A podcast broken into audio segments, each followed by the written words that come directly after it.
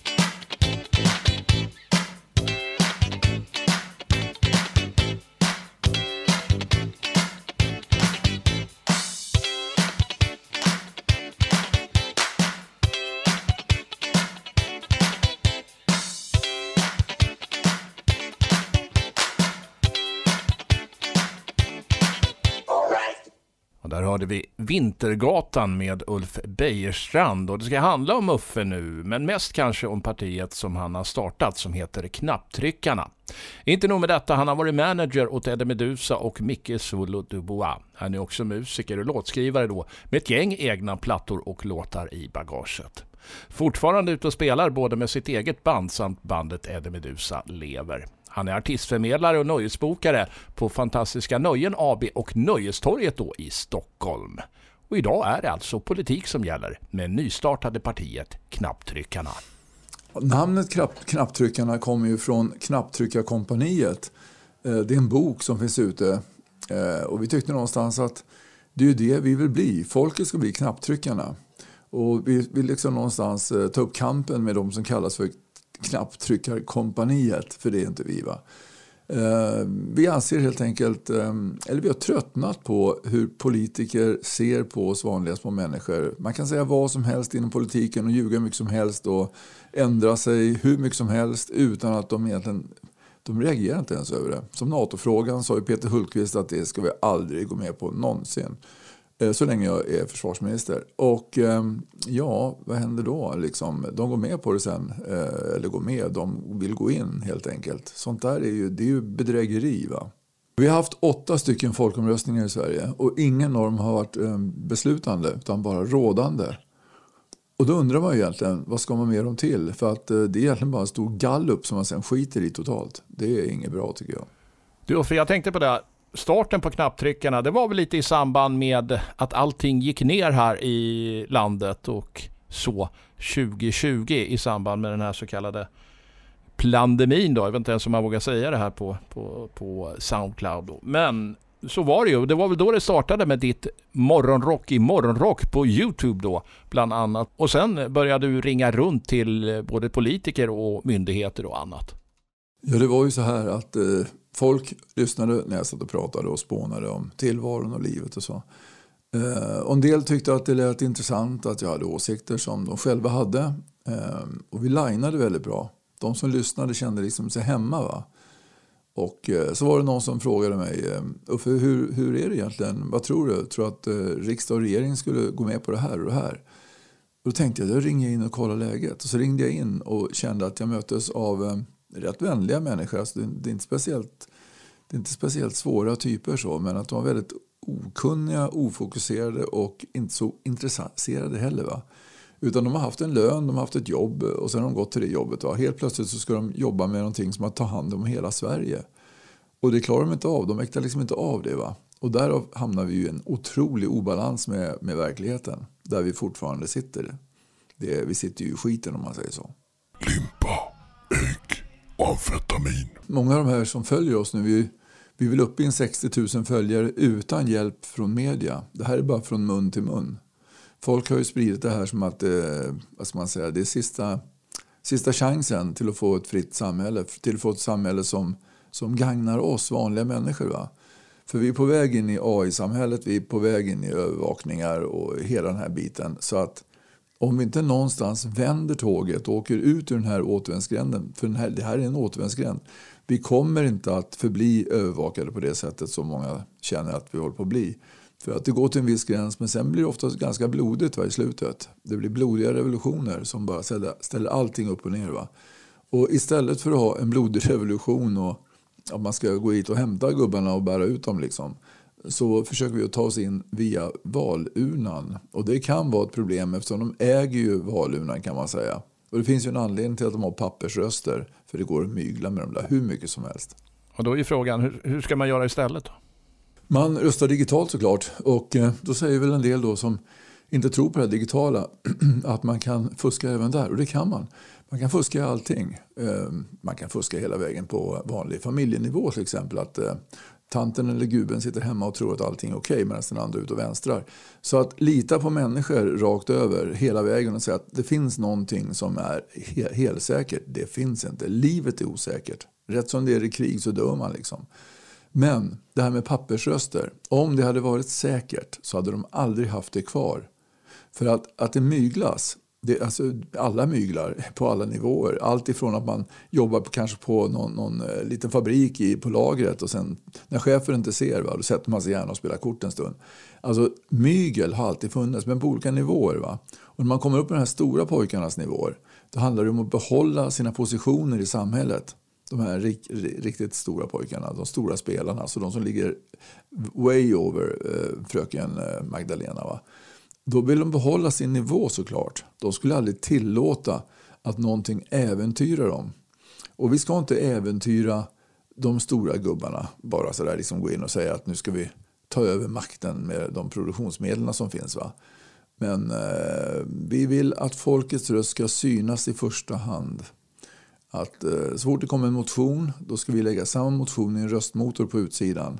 Och den kommer att visa att vi inte tycker samma sak som riksdag och regering. Och då undrar jag ju, och alla med mig då, hur det är de gör när de tar och företräder oss. Det känns ju inte som att de företräder oss i det läget eftersom de röstar tvärtom. Vi går lite händelserna i förväg då. Jag tänker som så här, vad skulle skillnaden bli då med knapptryckarna om ni kommer in i riksdagen? Vad kommer ni att göra? Ja, det är ganska enkelt faktiskt. Eh, man lägger ut den rösten, som, eller den rösten, man lägger ut den motionen som de lägger i riksdagen. De lägger mellan 2 till 3 000 motioner om året. Och skulle alla riksdagsgubbar sätta sig in i det så betyder det att Annika Strandhäll och kompani ska alltså sätta sig in i ungefär 8 till 10 stycken grejer om dagen. Och då ska man läsa de här stora luntorna och allting och sen ska de rösta sen på kvällen. Eh, det ska de göra i fyra års tid. Så vi lägger alltså in en motion i vår röstmotor som riksdagen redan har lagt in på, eh, ja, hos sig då. Sen tar vi förenkla språket väldigt mycket så att folk förstår vad det handlar om. För oftast är det så att de här motionerna förstår inte många vad det handlar om. För de skrivs så pass avancerat så att det känns som att det där klarar jag inte av. Det där mäktar jag inte med. Va? Och då ja, står man ju över helt enkelt. Men nu ska vi förenkla det i enklare språk. Och så har vi en, en länk till originalmotionen för den som vill grotta in sig i kanslisvenska. Ja, och sen ska ju folk då rösta på det här. Eh, det resultatet som blir där då lyfter vi in i riksdagen. Det är vårt jobb. Plus att vi ska vara med på alla de här sittningarna de har och eh, lyfta ut till svenska folket hur de diskuterar i riksdagen och hur de kommer fram till sina resultat. Så folk får se att det här är en cirkus på väldigt hög nivå. Det är vad vi ska göra i riksdagen. Ni har ju någonting på er hemsida knapptryckarna.se som kallas för röstmotor. Berätta om den. Ja, det är en enkel variant. Det är en enkel variant. Sen har vi en på Facebook som är en kommersiell variant om man säger, ligger på Facebook. Sen har vi byggt en egen som heter Folkets röst och som kommer lanseras om en vecka ungefär. Och det är den som vi kommer lägga motionerna i i första hand. Men kommer vi in i riksdagen, vilket vi ska göra förr eller senare, förhoppningsvis den 11 september redan, va? då kommer vi att bygga en röstmotor som baseras på den som vi släpper om en vecka. Men den kommer vara extremt bra gjord.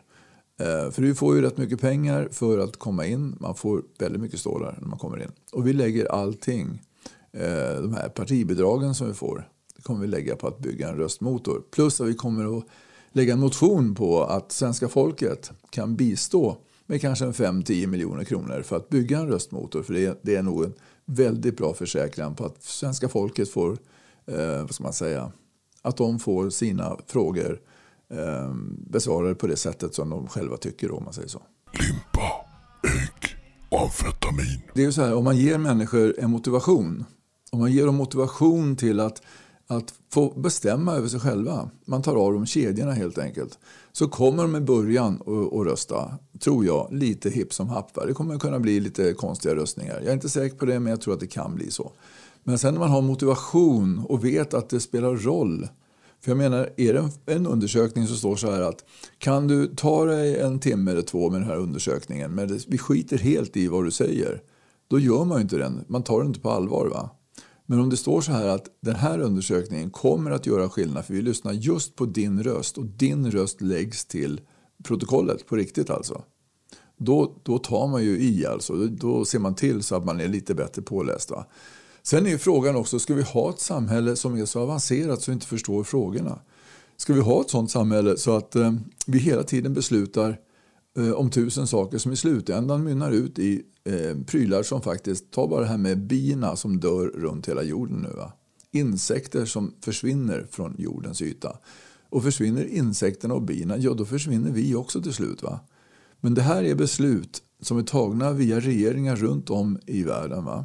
Så att det har blivit som det är idag. Och det är kaos idag i världen. Eh, vi har inte sett det förut förrän den här så kallade ja, de här agendorna har ramlat ut en efter en efter en som har krossat ekonomin totalt. Nu ser man det här och det är därför som knapptryckarna har sådana framgångar idag. För folk har ruttnat. De känner nu får det fan vara nog liksom.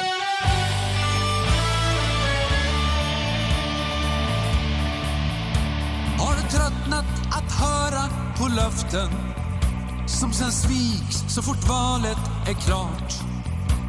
Detta ständiga tal om förändring medan frihet försvinner var dag. Vi är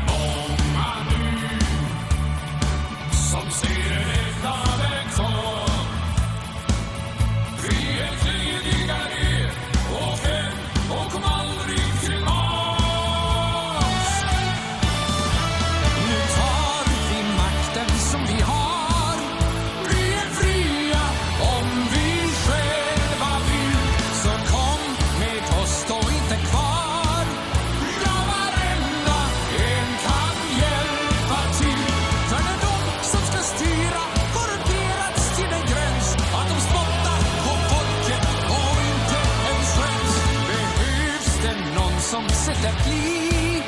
Åh, det är något det är i!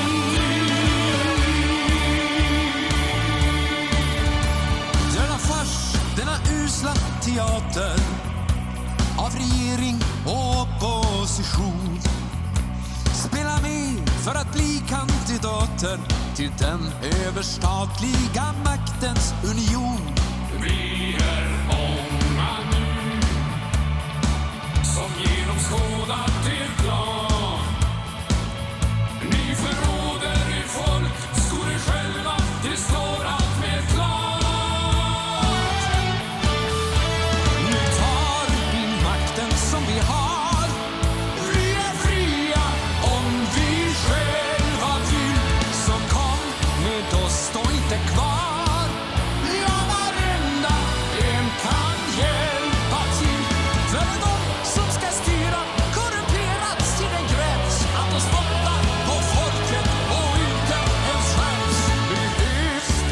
Det någon som sätter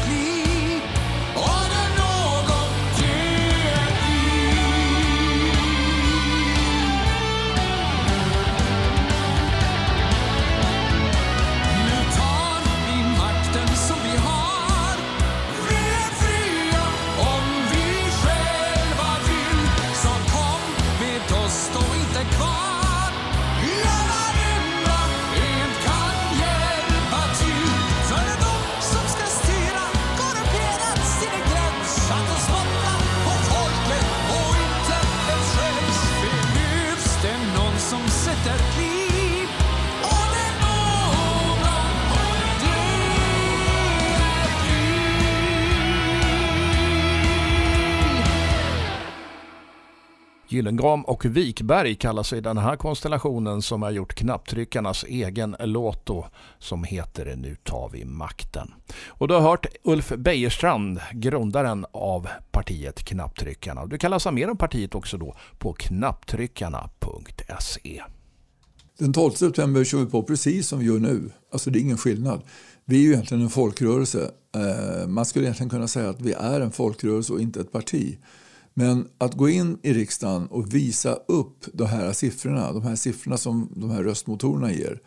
Det kommer att göra att folk kommer att vakna upp. För de kommer att se det att nio av tio frågor som vi är överens om och nio av tio frågor så tycker riksdag och regering att vi ska rösta tvärtom. Eller att vi ska leva efter tvärtom-principen. Limpa, ägg och amfetamin.